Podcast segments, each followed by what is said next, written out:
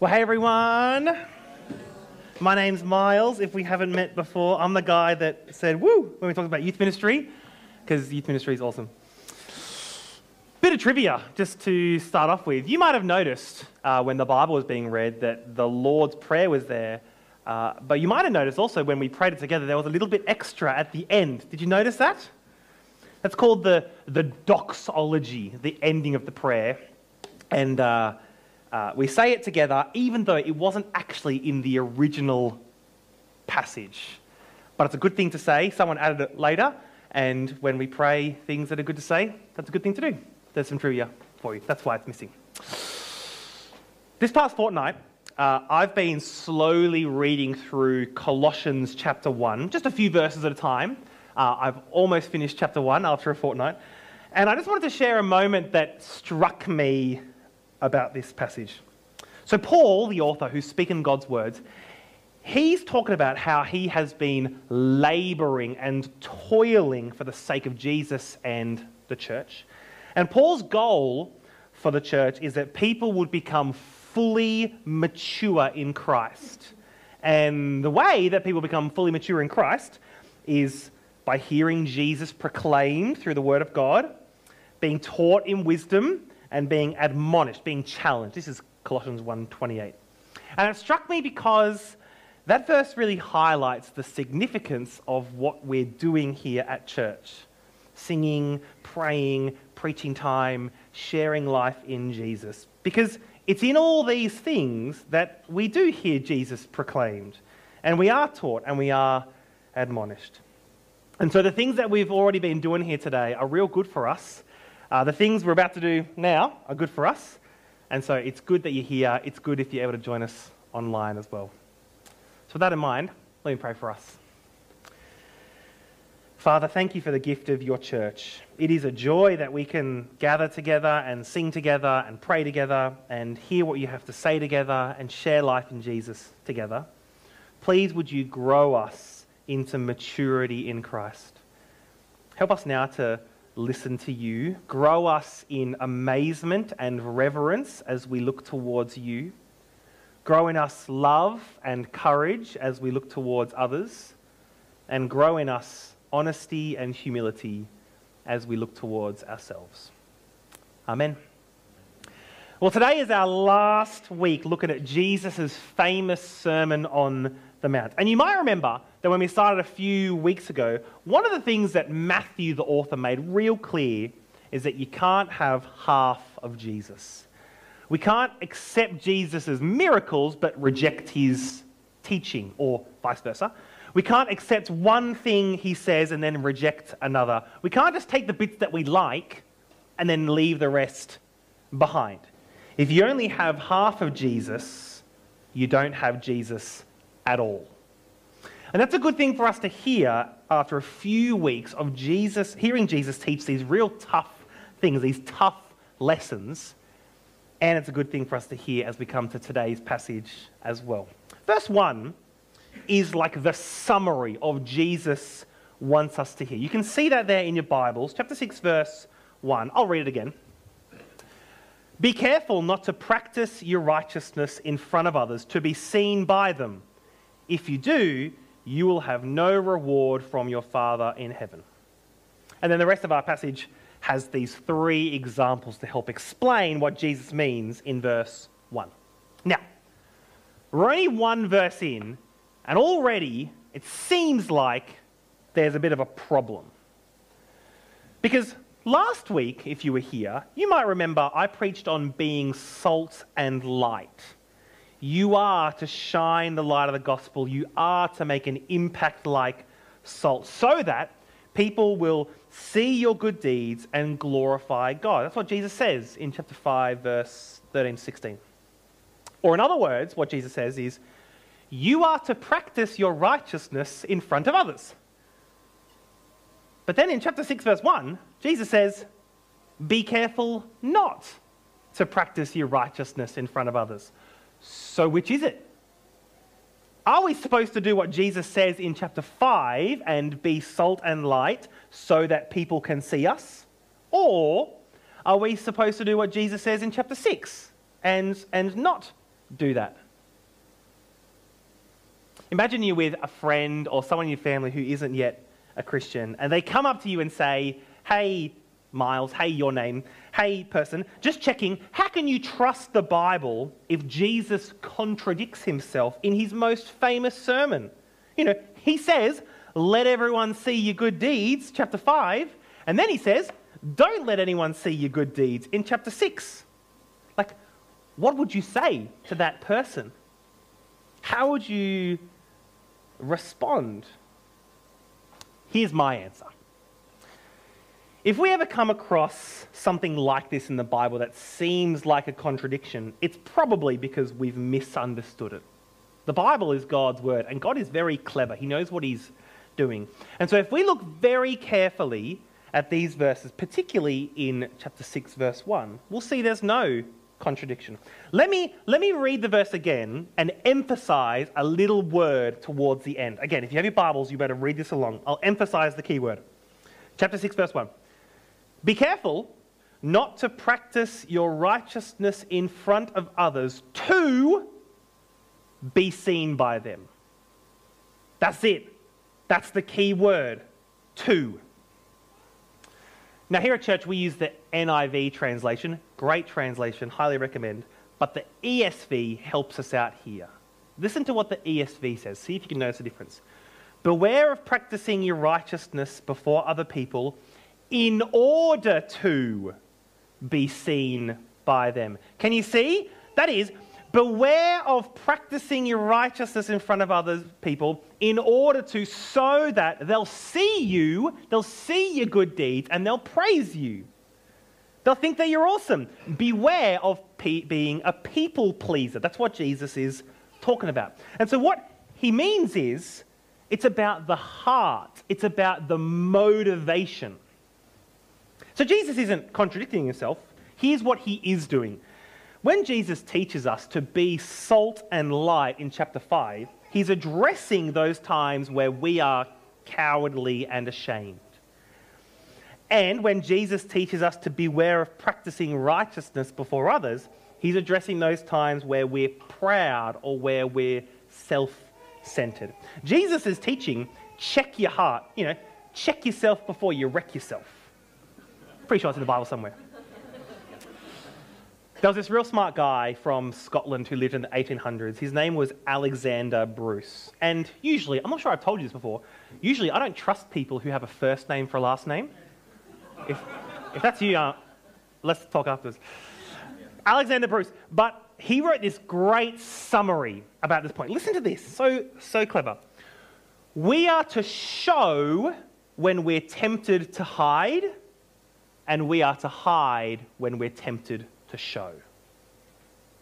Simple, right? But profound. Let me say it again. We are to show when we're tempted to hide, that is, be salt and light, and we are to hide when we're tempted to show, that is, beware doing good deeds so that you'll look great. If there's one thing that you remember from this sermon, like one sentence to lock away, to take home with you, that's it. We are to show when we're tempted to hide. We are to hide when we're tempted to show. Not a contradiction. And so then, Jesus goes on to give these examples, these, these examples to show what he means in verse 1. And, and I asked Sarah to read the whole way, all three examples to verse 18, to help give us some context.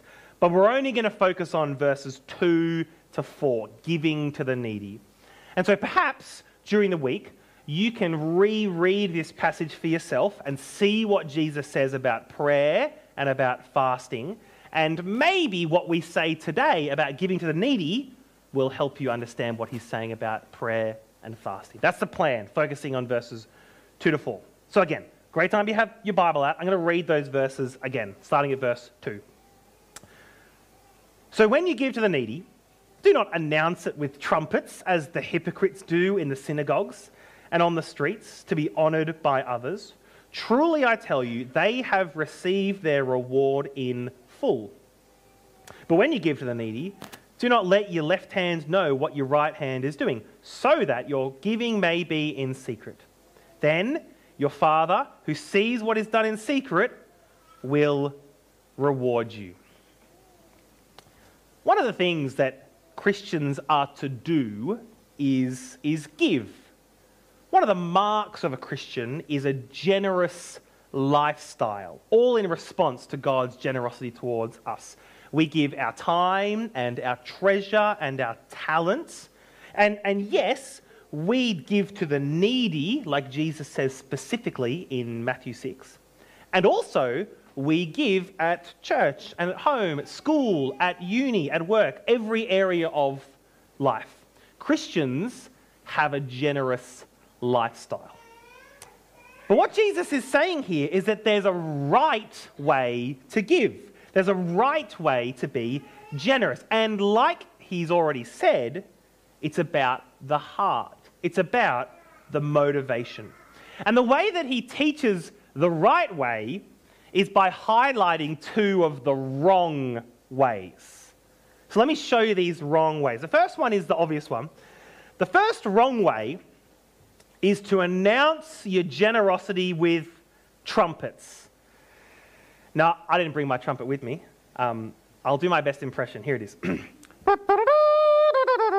Good people, look at me. Look at all my money. Look at how generous I am. Look, look at this money, see here, that I put into the box? Wow, how generous am I? Look how great I am. That's the wrong way. Don't do that. And it's an extreme example that Jesus gives, and you know, I, I, made it more extreme, but it really captures the idea. Whether or not there's trumpets involved, if I'm giving so that people think I'm great, if I'm giving to please people, then I'm not pleasing God. In fact, I've already received my reward. That's what Jesus says. I've already received my reward in full. What's that reward? I get the praise of people. That's it. That's all I get. Pretty lame. So the first wrong way is to give so that I'll look great to others. But there's another wrong way. What does Jesus say? Verse 3 But when you give to the needy, do not let your left hand know what your right hand is doing. And what I think Jesus means is there's this sense where we shouldn't even tell ourselves about our Christian giving. There's a danger that even if we don't make the first mistake, giving so that we look great to others, we might fall into a second mistake of looking great to ourselves, of self congratulations. I'm pretty great because I did this. So, if the first wrong way is to give so that I'll look great to others, the second wrong way is to give so that I'll look great to myself. And so, then what's, what's the right way? Well, the right way is to give in a way where the person who looks great is Jesus. The right way is to give in a way where people aren't distracted by you, but they're pointed towards Jesus. The right way is to give in a way where you aren't distracted by you, but where you are pointed towards Jesus. The right way to give of your time, your treasure, your talents is to give in a way that isn't about you. Because if giving those things, if giving our time and treasures and talents is for Jesus, it's in response to what he's done, then who's it for? It's for Jesus. It's not for us. And so when you give money away to the needy or to charity or someone that you know who needs it or to church or to a mission worker, when you serve others, with your time or your talents at work or at school or at uni or, or at church. Jesus teaches that our motivation matters, that our heart matters. Jesus teaches that we don't give and serve for ourselves, but we give and serve for Him. There's a story that Jesus tells in the Gospel of Mark where, where Jesus is at the temple and he's watching people come and go and he sees all these rich people come by and kind of pile money into the treasury. Imagine, like our day, wads of $100 bills. And then he sees a poor widow who comes in and gives a few copper coins. Imagine, again, our day, like a five cent piece. And Jesus, who knows the hearts of the rich people and knows the hearts of the poor widow, he says to his disciples, This widow has given more. She's given more than the others. It's not about the amount. If it was, Jesus would say, The rich people have given more. But he doesn't. He says, The widow has given, given more because it's about the heart, about the motivation. Jesus says the poor widow gave more. God doesn't care what the amount of money you give is. God doesn't care what the amount of hours served is or, or what the impact of serving is. God cares about the heart, about the attitude. To God, the high schooler who joyfully gives a small but generous amount of money to church and the CEO who joyfully and generously gives a large amount of money to church, they've both got it right. They've both got the right heart, and that's what matters. To God, the, the retired person who joyfully and generously serves behind the scenes, and the other person who, who joyfully and generously serves on the platform, more publicly, whatever, they've both got it right because it's about the heart, it's about the motivation. It's not the amount, it's not the task, it's not the publicness, it's not the volume, it's not the impact, it's the heart. And so when you give with your time or your treasure or your talents, as you live out a generous lifestyle, it cannot be about you. It has to be about Jesus. It has to be about Jesus looking great. It has to be about others seeing how great Jesus is. That's how we give. Now, not many of you will know this, but uh, Morgan and I have a dog. And his name is Smithers, and I love him with my whole heart. And lots of you already do know this. Yesterday, we took him to the dog beach because we love him. He had the best time. Not relevant, just wanted to let you know. But when we were training Smithers, we would give him rewards when he did the right thing. You know, as a particularly tricky trick, then we would give him a high value reward like chicken or even better, popcorn chicken. Any, any of you with dogs out there, top tip, popcorn chicken is the best training because it gives you an excuse to get popcorn chicken. now, rewards can do this to us. It's nice to get a reward when we do the right thing. And did you notice in verse 4 when we give in the right way, we will be rewarded. Did you notice that? And so, what is this reward that we get? Well, here's what I think I think the reward is that you will be able to see the need relieved. You will be satisfied as you look and see the way that God used your generosity to impact people. The, the love that prompted you and your generosity will be satisfied. And that kind of love desires no other reward. And you know, seeing that, seeing God do that, will just spur you on. Let me give you some examples to show you what I mean. I could have, there's hundreds of examples. Here's just three. For those who, who lovingly and joyfully give up their time to set up the chairs before church, their reward is seeing that people can come and feel welcome and sit and be able to hear about the Lord Jesus. And that is a great reward. That is satisfying. And for those who, who lovingly and joyfully give money generously to church, their reward is seeing ministry happen with paid staff and a building and resources and aircon. And when ministry happens, that's when God's kingdom is built what a great reward. Isn't that satisfying? And for those who, who lovingly and joyfully give to the needy, maybe like sponsor a child in a third world country, their reward is seeing that child's needs fulfilled. And that is satisfying. The love that prompted your generosity will be satisfied. And such love desires no other reward.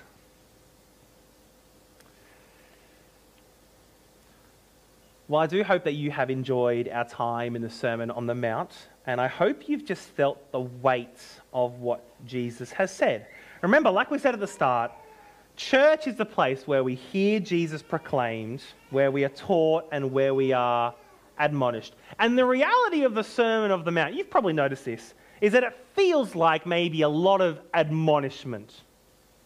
Right? It feels that way. There's a lot of Jesus setting up um, standards or making standards even higher that are hard to follow, maybe even impossible to follow. And that's the point. I mean, in the verse before our passage, if you have your Bible, you can see it, chapter 5, verse 48. Jesus says, just casually, he says, just be perfect, therefore, as your heavenly Father is perfect. Super easy, not? Like, that's the point. Impossible to follow. And so, as we finish our time on the Sermon on the Mount, I, I, it's important that we leave this place, yes, challenged, but also it's important we leave this place with absolute confidence and absolute comfort. All that Jesus has taught and commanded, you know, blessed are the merciful and the peacemakers. You are the salt and the light of the world. You know, you need to love your enemies.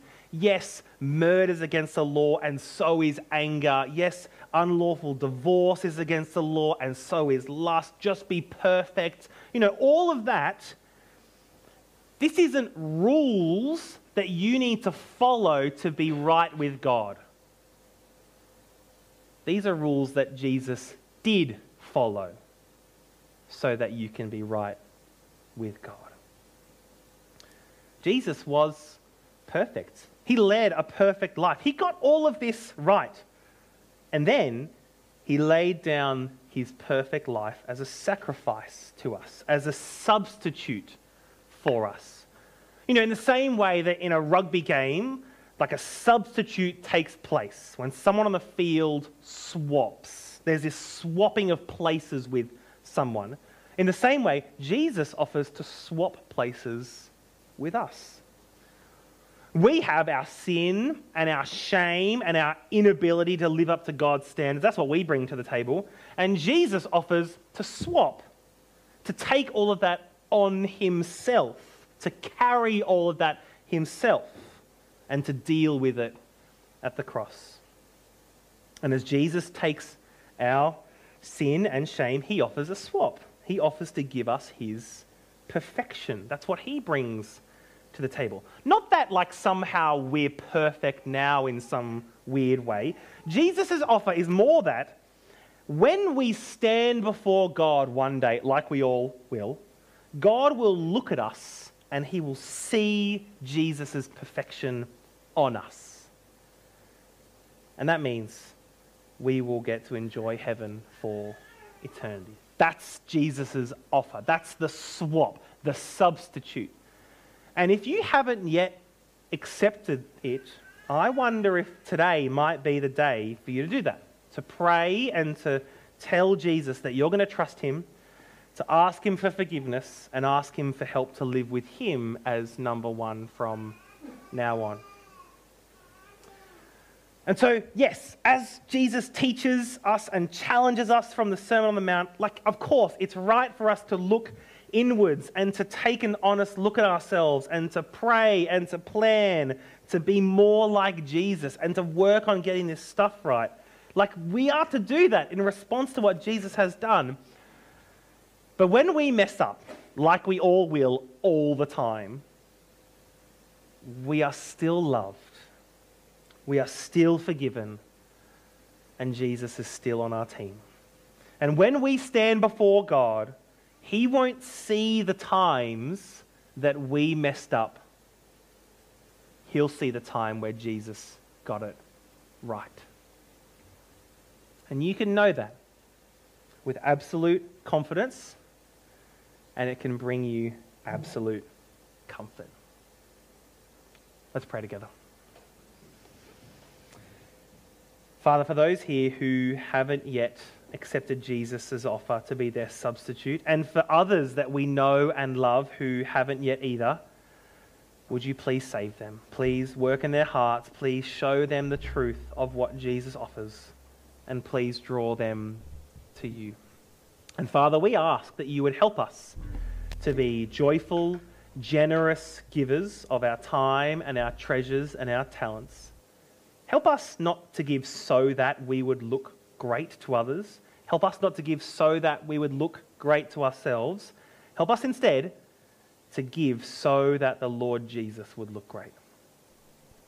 And Father, we do pray, please show us those rewards that you promise. Show us tangible, real ways in which you are using our giving for the building of your kingdom, that we might strive to continue living a generous lifestyle. And we pray these things because we love you and we trust you. Amen.